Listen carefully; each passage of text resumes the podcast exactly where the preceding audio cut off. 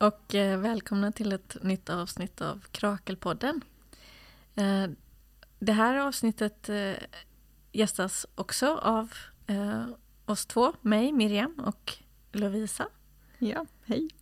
Hej. Välkommen hit, vad kul att vi ska liksom göra en fortsättning på, nästa, på förra veckans avsnitt. Och tack för reaktionerna vi har fått på det. Jag tänker att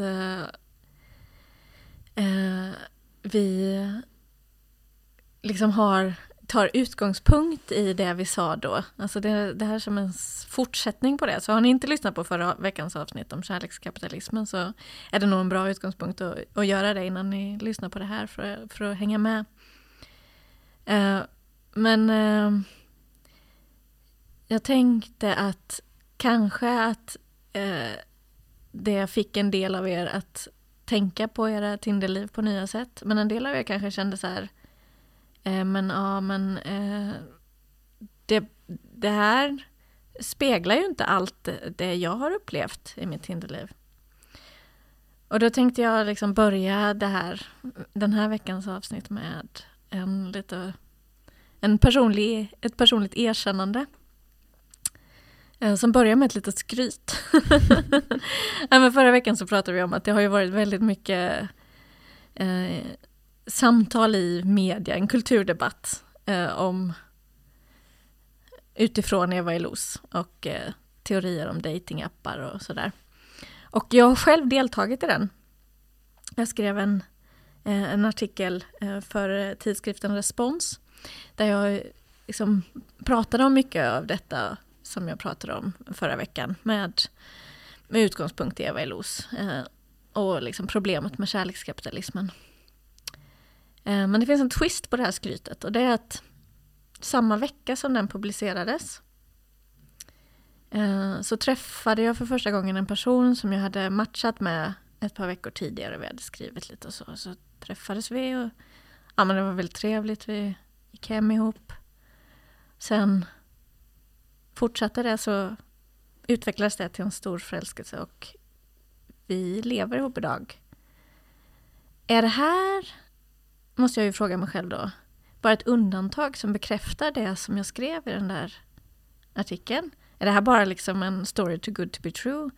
Eller hade jag kanske också lite fel? Eller liksom, finns det någon brist i det där ganska mörka resonemanget eh, som som jag skrev och som liksom grundar sig i Eva Elos teorier. Och det funderar jag också på därför att jag tror att kanske majoriteten av alla kärleksrelationer som jag har runt mig har börjat i Tinder. Mm. Ja, min har det mm. till exempel. Mm. Um, behöver inte hänga ut någon annan. Men det finns kanske också andra Kraken-medlemmar. Ja, möjligen. som har börjat sina kärlekshistorier på det viset. Uh, så ja, då kan man ju säga, ja men um, det kanske är för att det är det enda sättet att träffa någon och till slut kanske man ändå träffar rätt. Så kan det vara, fast jag tror att vi, även om man, om liksom, om det inte är den upplevelsen att man liksom träffar den stora kärleken, så kan man ändå ha andra positiva upplevelser. Sexuella positiva upplevelser eller bara spännande eh, möten med andra människor. Mm. Så jag tänkte det är lite avstampet mm. för dagens avsnitt. Kan man betrakta eh, Tinder och datingappar som fenomen också på andra sätt? Mm. Ja men precis. Det tänker jag också är, är dagens liksom, tema. Så vi tar ju väldigt mycket avstamp då i förra veckans avsnitt om liksom kärlekskapitalismen.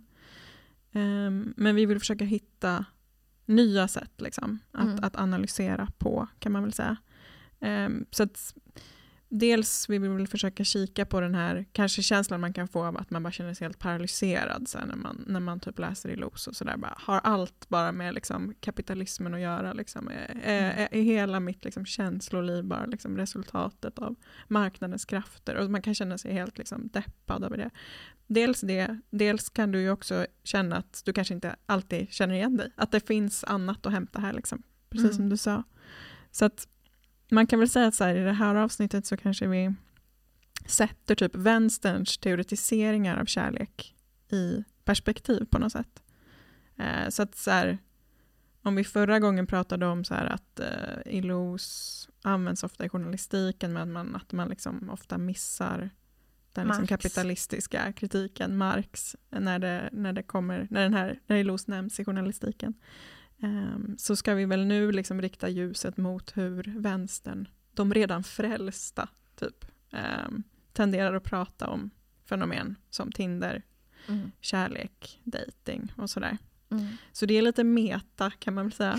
Ehm, Vi, ska, men- vi ska göra något uh, krakligt, vi ska liksom gå i konflikt med oss själva. exakt, precis. I, vi, inte för att ta avstånd, får man väl säga, från den marxistiska kritik som vi pratade om förra veckan. Nej, precis. Men kan man tänka vidare än så? Ja men exakt, det är alltså inte så att vi liksom försöker så gå i polemik liksom, utan vi vill hitta komplement, kan man säga så? Mm. Ehm, Och det har ju också hänt saker på de här eh, 150 åren sedan Marx och Mm. kapitalet. ja precis, så det kanske vi kommer toucha på lite idag, Mm. får vi se. Ehm, ja, nej men okej, men så här, eh, om man ska ta avstamp någonstans då, ty, till exempel i förra veckans avsnitt så kan man ju säga att då pratar vi om att så här, um, ILOs analys utgår från marxistisk teoribildning. Eh, Hon pratar om liksom den här gnagande ovissheten bland annat som liksom karaktäriserar samtida känsloliv. Och ett centralt argument är att den här ovissheten vad gäller liksom kärlek och sexualitet och sådär, eh, det är en direkt sociologisk konsekvens av samhällsstrukturen av kapitalismen. Eh, Inbegripet liksom konsumtionsmarknaden och vad ska man säga, den individuella valfrihetens ideologi pratar hon om till exempel. Eh, Så att mycket förenklat i och för sig sådär, så kan man ju säga att hon försöker ju ersätta någon slags så här kanske individual psykologisk eller liksom freudiansk förklaringsmodell med en marxistisk. Um, helt enkelt. Hon vill visa att så här, känslomässig osäkerhet och sådär uh, i dagens liksom, kärleksgörande bottnar i kapitalismen. Um, det här kan man alltså lyssna mycket mer om i förra veckans avsnitt om man inte redan har gjort det. Uh, men ska vi sätta den här, liksom, det här sättet att se på saker i någon slags idéhistorisk kontext, tänker jag. Mm. Um, för att så här, ett begrepp som kan vara ganska kanske intressant att ha med sig uh, när man funderar på hur vänstern i någon slags bred bemärkelse, typ så här, du och jag kanske, uh, analyserar liksom samtida fenomen. Alltså det kan ju vara liksom folks datingerfarenheter eller Tinder eller böcker eller filmer. Um, ett begrepp som kan vara användbart då det är ju uh, misstänksamhetens hermeneutik. Um, och det syftar alltså på en tendens att primärt ta sig an olika fenomen utifrån idén att syftet är att liksom avslöja eller blottlägga saker. Mm. Ehm, och det här liksom idéarvet kopplas ju ofta samman med eh, Marx, men också med till exempel Nietzsche och Freud för den delen. Mm. Le- det här som vi pratade om förra veckan, att vi lever med ett falskt medvetande eh, och att det liksom, ideologin ligger som en, eh, som en dimridå och eh, marxismen eller vilken teori av de här strukturalistiska teorierna man än använder så är tanken att man närmar sig fenomenen eh, med en vilja att liksom avslöja och visa vilken struktur som egentligen ligger här under. Precis. Um, och liksom att som vänster så här, teoretisera på det här sättet uh, har ju blivit, för att använda ett begrepp vi också hörde förra veckan, närmst intill liksom hegemoniskt kan man väl säga. Um, alltså att, att som vänster teoretisera på ett sätt som där syftet inte är att liksom finna bevis på systematiskt förtryck, det betraktas nästan som kanske lite konstigt eller lite dumt eh, eller så här, kanske lite konservativt ehm, eller i varje fall inte som någonting subversivt. Ja, Mm. precis. Eh, Jag skulle säga att det är ju eh, att ehm, det är inte bara marxismen utan det är väldigt mycket också radikalfeminismen Mm. eh, Oh ja, går ut på att göra detta. verkligen. Alltså att eh, se ut över samhället och så har man en färdig förståelse av eh, att det existerar ett patriarkat och så ser man på samhället och så kan man peka ut hur patriarkatet eh, formar samhället. Mm, absolut, det är väldigt centralt. Även inom radikalfeminismen. Mm. Eh, det finns en eh, queer-teoretiker, kanske man kan kalla henne, eh, Eve Kosofsky Sedgwick, eh, som har benämnt den här tendensen, liksom, den här Marx, Freud, Nietzsche-sätten, feministiska sätten, eh, att, att liksom göra kritik på för paranoid läsning. Eller för att man ägnar sig åt paranoida läsningar. Mm. Ehm, och, och vad de här liksom paranoida läsningarna går ut på, det är alltså att som primärt fokus försöka få syn på liksom strukturella faktorer helt enkelt, som, som du var inne på Miriam. Ja, men man kan väl säga att det, alltså det här misstänksamhetens hermeneutik eller paranoid läsning, att, att man benämner det på det viset det grundar sig på en idé om att man har redan en misstanke om vad det är som är felet innan Mm. man börjar titta ut på samhället. Eh, och så, så hittar man då saker som bekräftar det. Precis. Och det liksom finns väl också någon slags grundantagande här om att effektiv liksom, ideologi och dominans inte alltid är fullt synlig som vi var inne på förra, förra veckan. Men också så här att typ gemene person kanske inte alltid får syn på det här och att liksom den vänsterintellektuelles liksom, uppgift är att eh, liksom vara, del, vara, vara, vara med i den här processen, att just liksom medvetandegöra det här på något sätt. Påvisa den ideologiska basen. Liksom Mm. eh, som typ ett kulturuttryck vil, vilar på. Eller sådär. Ehm, så, så, så kan man ju säga ehm, att det är kanske. Ehm, och Sedgwick eh, till exempel menar ju att så här, paranoid läsning har många fördelar. Liksom. Men att den kan också, och det är väl det vi liksom har varit inne här på nu indirekt, eh, ha vissa liksom, metodologiska problem kan man väl säga.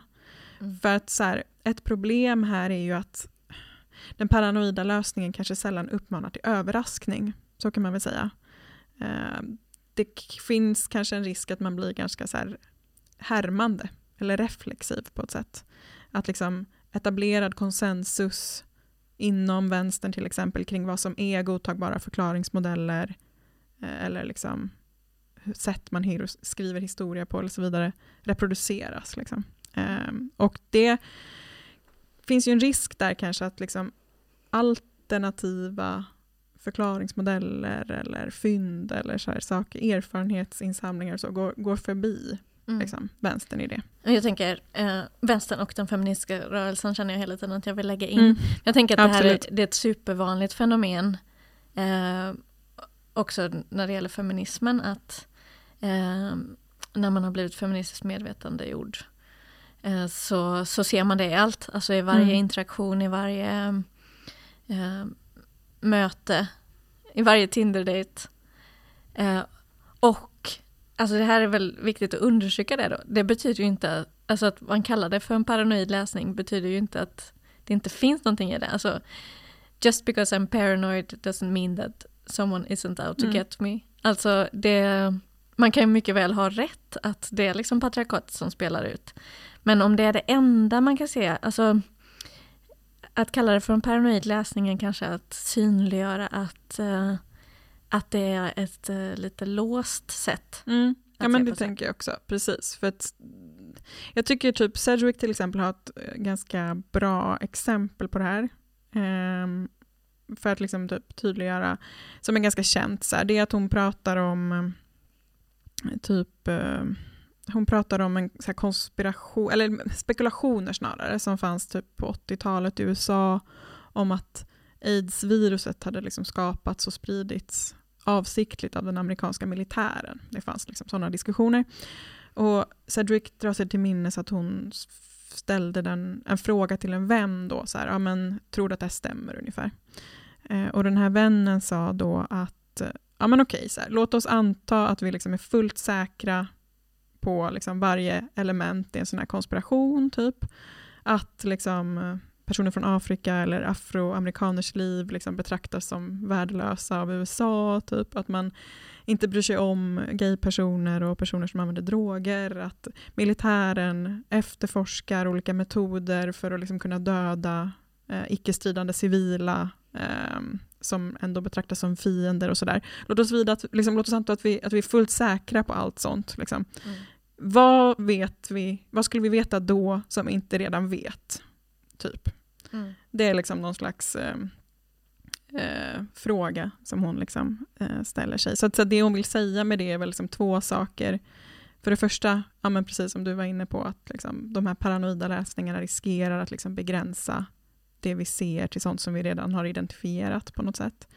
Eh, men också kanske liksom att eh, dystra prognoser liksom bekräftas om och om igen. Eh, att den paranoida läsningen har ganska lite att säga om vägar framåt, om förändringspotential, eh, handlingsmässiga imperativ liksom, på olika sätt. Eh, att liksom kunna påvisa sig systematiskt förtryck kopplat till aids-epidemin liksom, säger kanske ingenting om hur typ en viss grupp med aktivister ska liksom använda sitt handlingsutrymme och sin position och så vidare. Mm. Eh, och det här tänker jag att man kan, kan applicera ganska mycket på liksom hur vi pratar om Tinder och sådär också.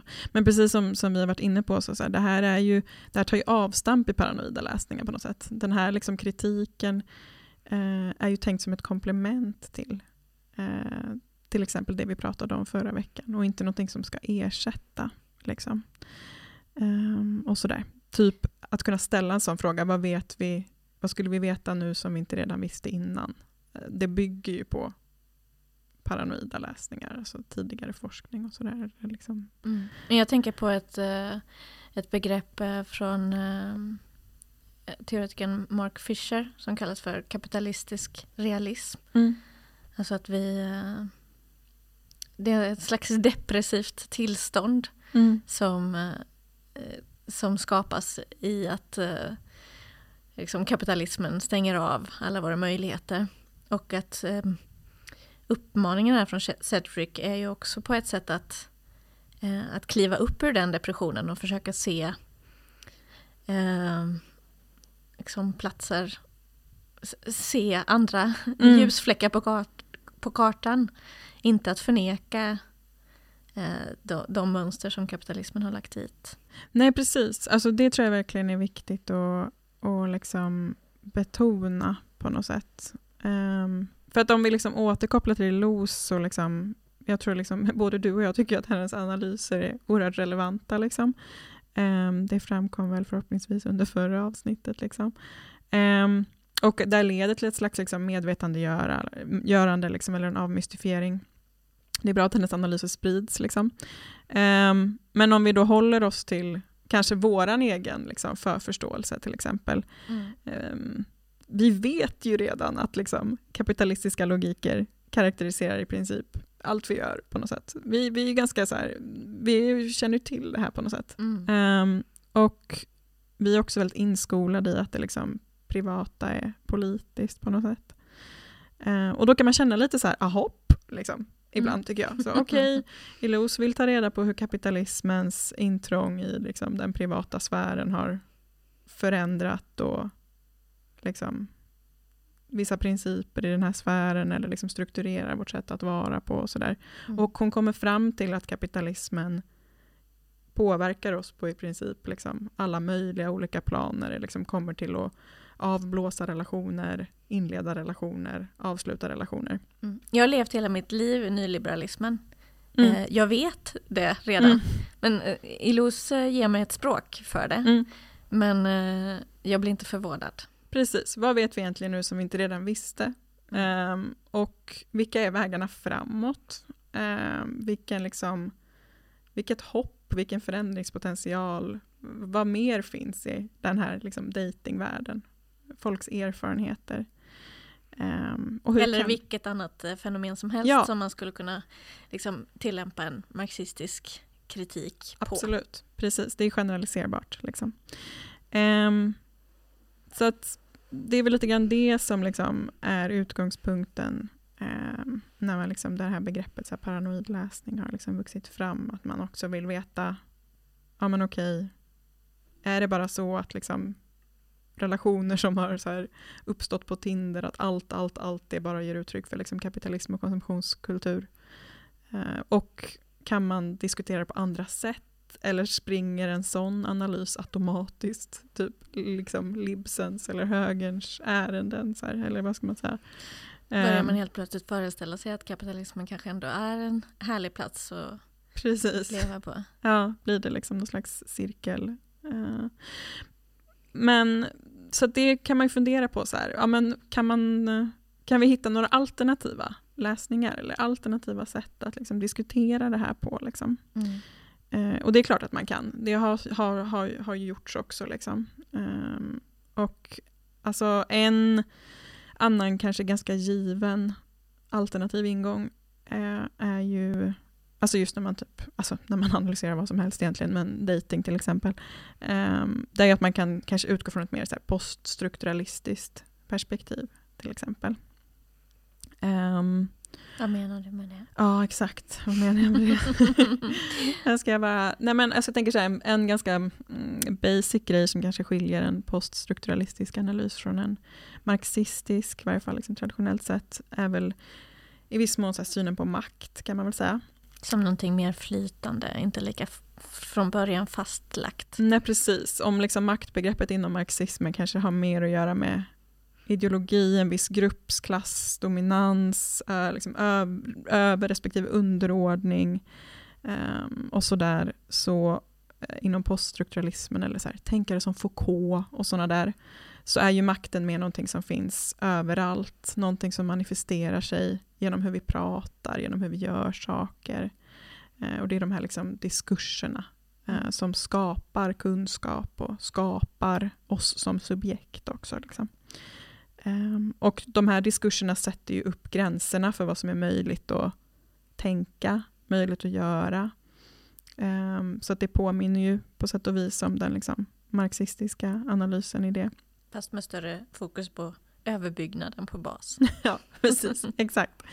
Ehm, men man tänker sig inom liksom mer poststrukturalistisk tanketradition inte lika mycket att verkligheten eller samhället är uppbyggt kring en dialektik. Um, alltså man tänker sig inte att liksom verkligheten kanske nödvändigtvis delas upp i motsättningar eller antagonismer. Så.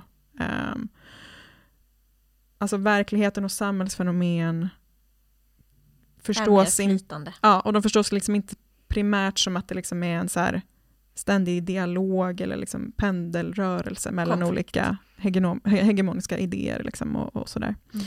Ehm, så att studerar vi noggrant är väl argumentet så här, en viss historisk kontext, typ så här, Malmös datingvärld 2021, eh, så märker vi att den karaktäriseras inte bara av marknadslogiska eller liksom krafter, marknadens krafter, utan också av massa olika så här, ojämnheter, överraskningar, konkurrerande narrativ eh, och även motstånd. Liksom. Ett mischmasch av en hel massa grejer. Liksom.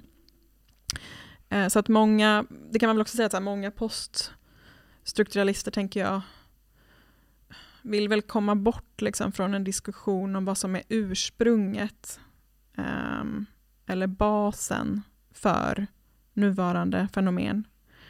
Eh, så att företeelser betraktas väl i större utsträckning vara ja, men, alltså resultat av slump också och olika sammanträffanden.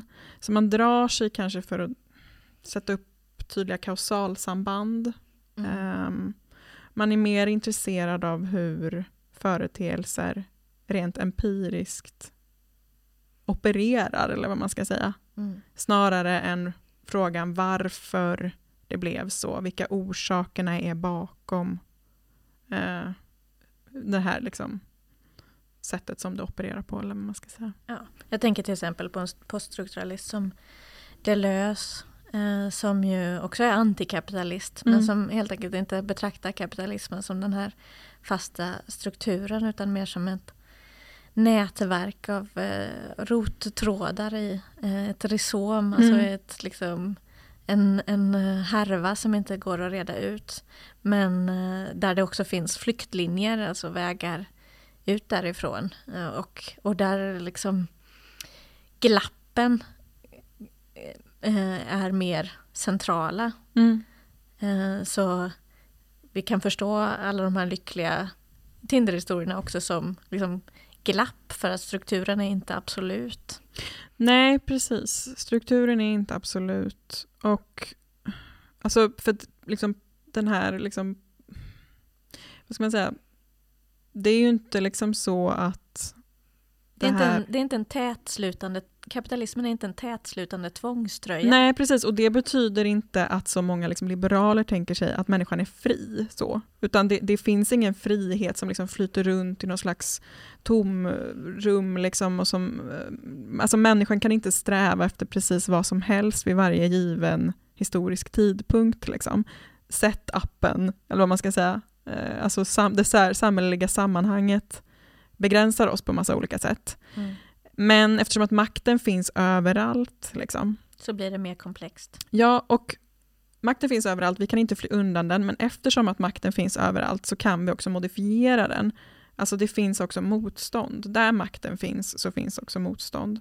Så man kan tänka sig att makten i någon mån är liksom, man säga, bilateral, typ. Alltså den är liksom sammanfogad med olika former av lydnad men också olydnad. Eh, vi är liksom fria att i någon mån lyda med mer eller mindre grad av motstånd. Så kan man väl säga. Liksom. Ehm, och det här kanske är någonting man kan kika närmare på när man funderar kring det, här- alltså kring det här med dating. Liksom. Mm.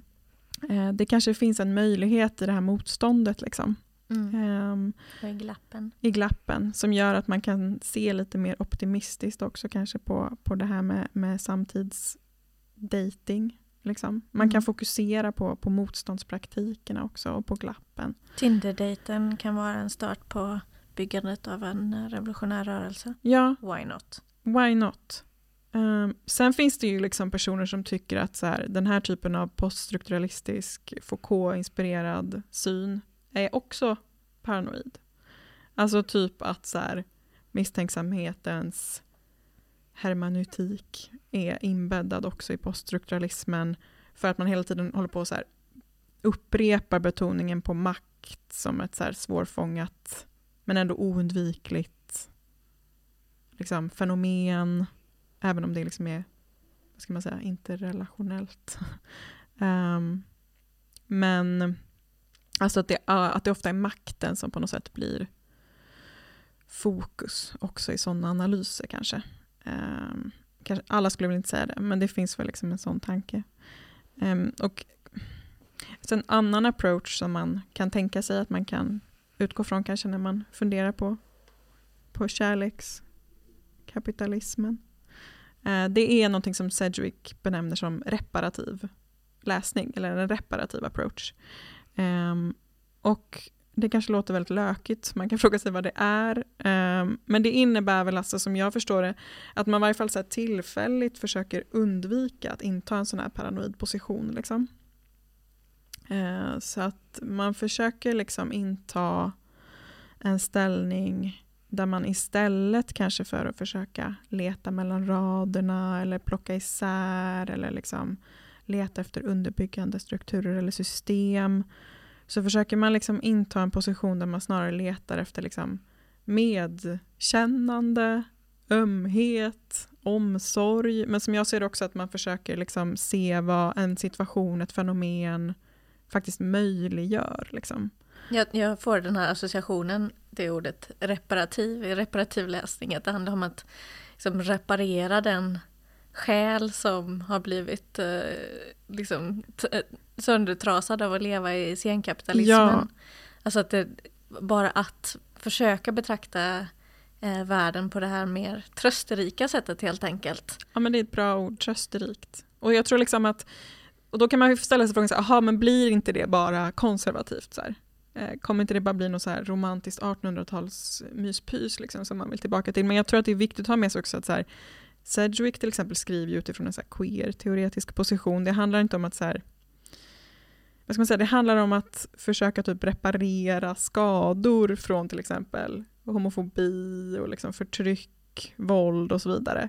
Kapitalismen, liksom. Eh, Det är det det handlar om mer än att liksom försöka hålla på med mer så här tesdriven kritik. Eller att, att kunna förena det liksom på något sätt. Mm, Helt utan enkelt. att för den skull förneka ehm, liksom, betydelsen och innebörden av att de här systemen finns. Nej men precis. Att utan de, jag tänker att de här två approach, liksom den marxistiska kritiken och den här mer, liksom mer reparativa hållningen, de ska mer ske mer i någon slags liksom, växelverkan eller det är ett samspel mellan dem. Man ska kunna liksom, använda dem parallellt. Liksom. Så att det ska inte betyda, alltså den reparativa liksom, läsningen ska inte innebära att man hamnar där Lisa Magnusson hamnar i den här DN-ledaren. Liksom, eh, som vi touchade på i förra avsnittet. Liksom, om att hon drömmer om ett, eh, ett konservativt, eh, tillbaka, konservativ tillbakagång liksom till så stadiga familjeformer. Nej precis, det är inte det, är inte det som, som är syftet. Måste inte vara det i varje fall. Liksom. Um, men ja, alltså som sagt, ja, typ så här, foka lite på livsglädje och möjligheter. Alltså det låter ju oerhört kanske lökigt men det, är en grej. Ja, det är också faktiskt kanske en grej som, som man kan fundera på om man om man ska fundera mer på inom vänstern generellt kanske. Jag tänkte så här, vi pratade om lite exempel, eller jag typ kastade in några exempel när du pratade, eh, liksom, när du beskrev några grundläggande liksom, marxistiska begrepp förra veckan. Mm. Jag bara tänkte så att vi kunde ta något av de exemplen och typ se om vi kan göra en lite mer reparativ läsning. Mm. Ja, jag vet inte om det kommer gå, vi kan försöka. Mm. Um, Spännande. Ja, okej. Okay. Vi tar, vi, tar också, vi tar den här med skjortan då. Kommer du ihåg den? Arbetarskjortan. Ja, vänta. Jo, men det, det, var den där skjortan som jag tyckte lät så snygg. Exakt. som, eh, hon, hon ville inte dejta, fortsätta dejta en kille. Attraktionen försvann helt därför att han en dag hade på sig en skjorta som det såg ut som att hans farfar hade hittat på second hand. På 40-talet. ja. ja. Ja okej, okay. precis så var det. Så, så då... hon, hon, var liksom intresserad men sen föll allting på den här enda ytliga detaljen. Exakt, men hon börjar med att säga så här. Eh, ja, men jag har varit ute med ett par killar sedan jag skilde mig men det har varit förvånansvärt jobbigt, inte så mycket på grund av killarna utan på grund av mig själv. Jag kan haka upp mig på små saker säger hon. Eh, och sen berättar hon om den här skjortan. Mm. Um, och sen så säger hon att det är pinsamt att erkänna det. Men den här skjortan var verkligen avtändande. Till exempel. Men då funderar jag så här, ja men okej. Um, ja, det här, I grunden är det här väldigt deppigt för att uh, det handlar om liksom, hur kapitalismen får oss att uh, inte kunna se människor för att vi bara kan se yta. Precis, exakt. Att man liksom... Ja, ge mig tröst. mm. eh, jag ska verkligen försöka. Men jag tänker så här, okej. Okay. Vad segt liksom. Det känns. Det, det låter jättetråkigt att liksom eh, vara helt besatt av en så, här, eh, så kallad arbetarskjorta, eller vad vad hon kallade det. Eh, så liksom till den milda grad att man liksom inte för, förmår liksom förhålla sig explorativt eller nyfiket till en person som man trots allt har träffat några gånger och ändå tycker är ganska nice. Så här. Men intressant, också att det verkar finnas något slags motstånd här kanske. Alltså, I henne själv? Ja, du hakar upp dig på små saker och det är pinsamt att erkänna det här. Mm. Liksom. Uh, finns det inte någon längtan här, kanske? Mm, en längtan precis. bort från det här, liksom, uh, jag vet inte, konsumentblicken. Mm. Mm. För hon säger, det är helt sant, hon säger inte rakt ut bara att nej men det var ju självklart att jag inte ville ha honom för han hade ju en ful skjorta. Utan eh, i henne själv finns någon slags process som handlar om att eh, men så här skulle jag egentligen inte vilja förhålla mig till andra människor. Mm. Och jag tycker liksom, jag vet inte precis, det finns något motstånd här, det finns någon konflikt här. Det är inte bara på, det, det, är liksom, det händer någonting här liksom. Um, och kanske kan man liksom se det också som att så här, men de här väldigt smutsiga grundförutsättningarna, liksom, i dem så, så vet jag vet inte, så försöker man kanske ändå liksom analysera sig själv för att liksom få syn på, på någon slags möjlighet också. Jag vet inte, jag tycker att det är så här, om man läser många av de här liksom exemplen som finns i, i, liksom Ilous böcker, som ju bygger på, alltså det är intervjuer som sagt med, med personer, som mm. hon bygger mycket av sin liksom analys på. Alltså hon, hon har väldigt mycket empiri till stöd för liksom sin, sina argument och sådär. Mm. Jag tycker att man ofta hittar den här typen av formuleringar. Alltså den här typen av... Jag tittar jag, bara, alltså jag, jag, tycker det finns hur mycket som helst. Men så här, det fanns någon annan, typ, jag läste om en Alexander som berättar att det enda han verkligen ångrar det är att han inte gifte sig med den där kvinnan som han träffade för 20 år sedan. Och sen får han frågan varför ångrar du det? Och hon var inte religiös och jag höll precis på att bli intresserad av religion, berättar Alexander. Um, och på den tiden så insåg jag inte att det inte spelar så stor roll eftersom jag var fullständigt uppslukad av min nya livsstil. Eh, jag trodde att det var väldigt viktigt för mig. Jag tänkte inte på, eller jag tänkte eh, att vi inte kunde ha, att vi inte skulle ha samma livsstil eh, och att det skulle leda till bråk. Så jag bestämde mig för att inte gifta mig med henne. Eftersom jag förutsatte att det inte skulle funka. Men det var ett misstag. idag så skulle det inte störa mig, men det visste jag inte då. Och det här citatet förklarar ju Los då eh, med avstamp i det som vi diskuterade eh, förra veckan helt enkelt. Alltså att liksom också hobbys och liksom kan betraktas som någon typ av liksom konsumtion, saker vi gör, våra fritidsintressen och så vidare är en del av liksom mm. Stäm, vår... Stämmer eh, X som jag träffat in på min eh, kravlista? Mm, precis. Men Eh, även i det här citatet liksom, så finns det ju väldigt mycket annat. Alltså det finns en väldigt stark längtan bort från det här. Det finns också någon slags insikt om att så här, det här kanske inte var eh, givetvis sant. Eh, att det var jätteviktigt att vi hade exakt samma religiösa intresse. Eller vad man kan säga. Jag tycker liksom det finns, det finns ju någonting i de här citaten ändå som man kan läsa dem lite, lite så här optimistiskt på något sätt. Mm. Men jag tänker också på det här eh, på det andra exemplet du tog med den här eh, snubben som först beklagar sig över att alla tjejer bara sitter och håller på med Facebook och Instagram och inte riktigt mm. ser honom. Eh, och sen så vänder han helt plötsligt och säger att eh, ehm, Ja, han, han klagar på någon kvinna han har träffat för att hon inte visste var Miami låg mm. och att liksom de går bort direkt för han har inget tålamod med dem, det finns en massa andra på Tinder.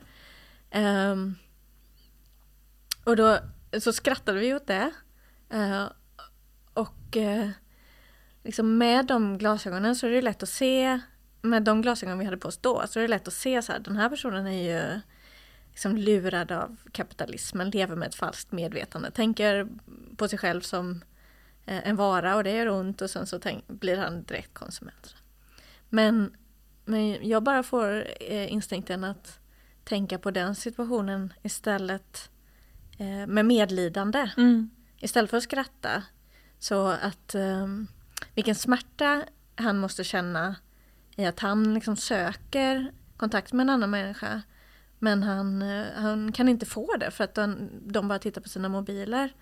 Och att det leder honom till att liksom skapa ett, ett internt försvar där han mm. inte heller eh, kan vara i kontakt med att tillåta andra människors sårbarhet. Ja. Verkligen. Um, och, och att där finns ju också, liksom det medlidandet skapar ju en slags uh, um, livslust i att man vill liksom sträcka ut handen och så här uh, ge honom den kontakten. Exakt. Precis som den här mannen som då ångrar att han inte liksom satsade mer på någon relation för 20 eller år sedan eller vad det är. Liksom. Mm. Vad jobbigt liksom. Tänk att gå runt och tänka på det i 20 ja. år. Ja, att visst. du ångrar liksom, att det fanns en person som du tyckte var väldigt intressant liksom, men som du mm. på grund av ett, någonting som du trodde var viktigt då inte vågade utforska vidare. Liksom. Så att det här det reparativa öppnar också upp för att vi ska se varandra, inte bara som lurade av kapitalismen utan ha liksom medlidande och eh, mm. koppla an. Ja, jag, jag, jag, jag, tänker med det. Jag hoppas det i varje fall. Men sen är det klart att så här, återigen, liksom, man kan ju tänka sig så här att blir det här oundvikligen antiradikalt på något sätt? Så här, alltså om man typ dissekerar paranoid läsning. Nu är det ju inte det vi gör, men låt säga liksom att man på något sätt hela tiden säger att man ska göra någonting annat istället. Så här, sker kanske det inte då också någon slags så här, av politisering också kanske av så här, materiella liksom, livsvillkor och sådär. Jag tänker att det skulle kunna vara en så här, tydlig invändning så här, mot det här. Men jag vet liksom inte om jag egentligen tror att det är så.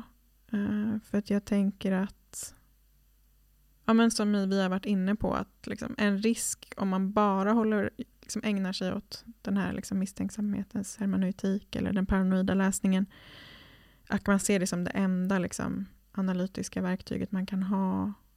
Eh, det kan ju också göra just att man hamnar i den här känslan av liksom, oförmåga och paralys. Liksom.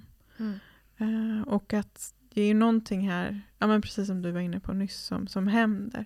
Vi blir mer liksom, aktiva inför varandra och, och kanske får man också syn på liksom, förändringspotentialen i saker och ting. och sådär.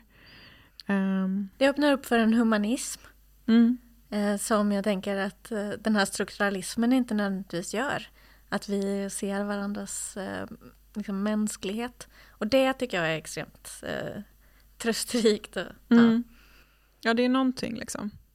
Förra gången så pratade vi om det här ordet liksom avmystifiering lite grann. Eh, alltså att Illouz liksom genom sina analyser lyckas liksom avslöja ideologin och, och liksom rubba det, det falska medvetandet och sådär. Eh, och så är det ju.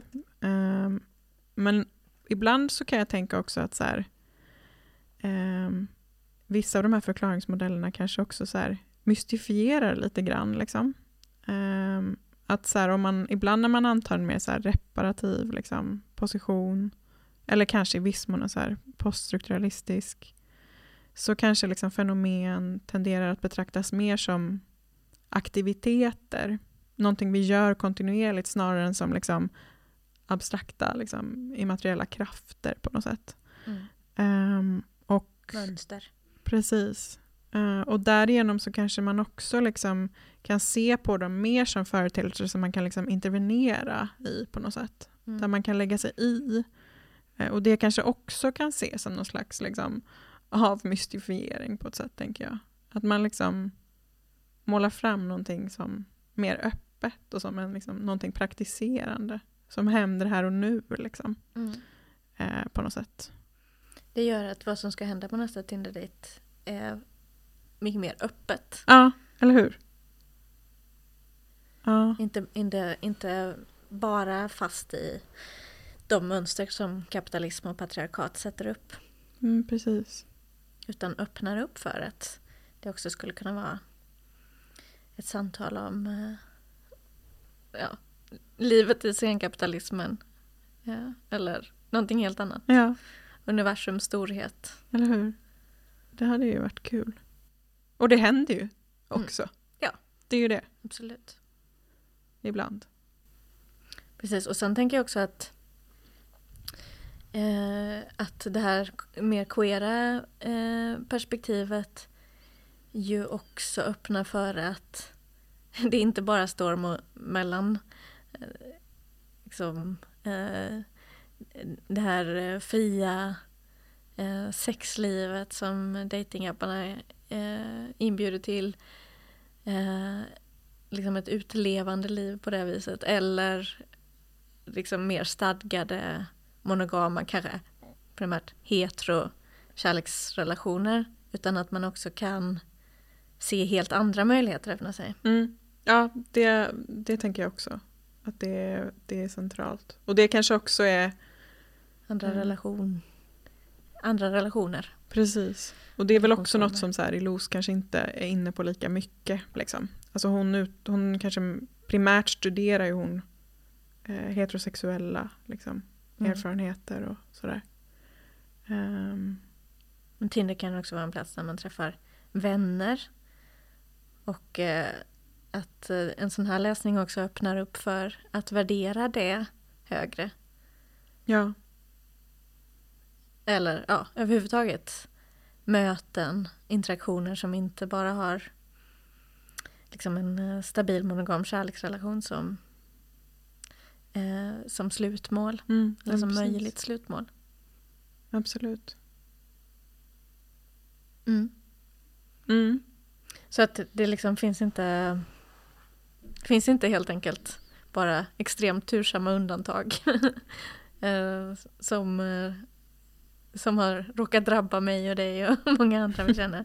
Utan det finns eh, parallellt med kapitalismens hemskheter så finns också liksom mänsklighet, livsglädje och eh, en komplex verklighet som vi rör oss i. Ja, verkligen. Och motstånd och möjligheter. Liksom, Mm.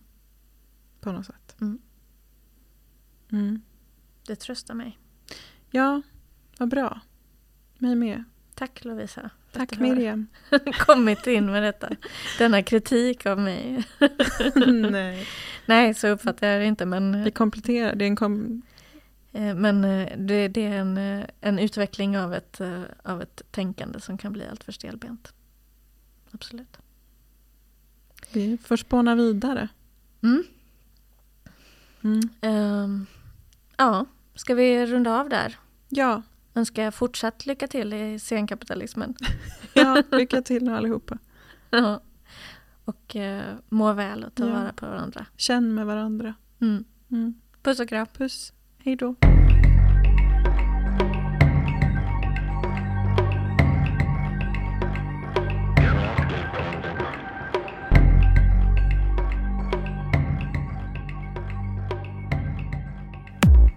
Du har lyssnat på en podcast som görs i samarbete med ABF Malmö.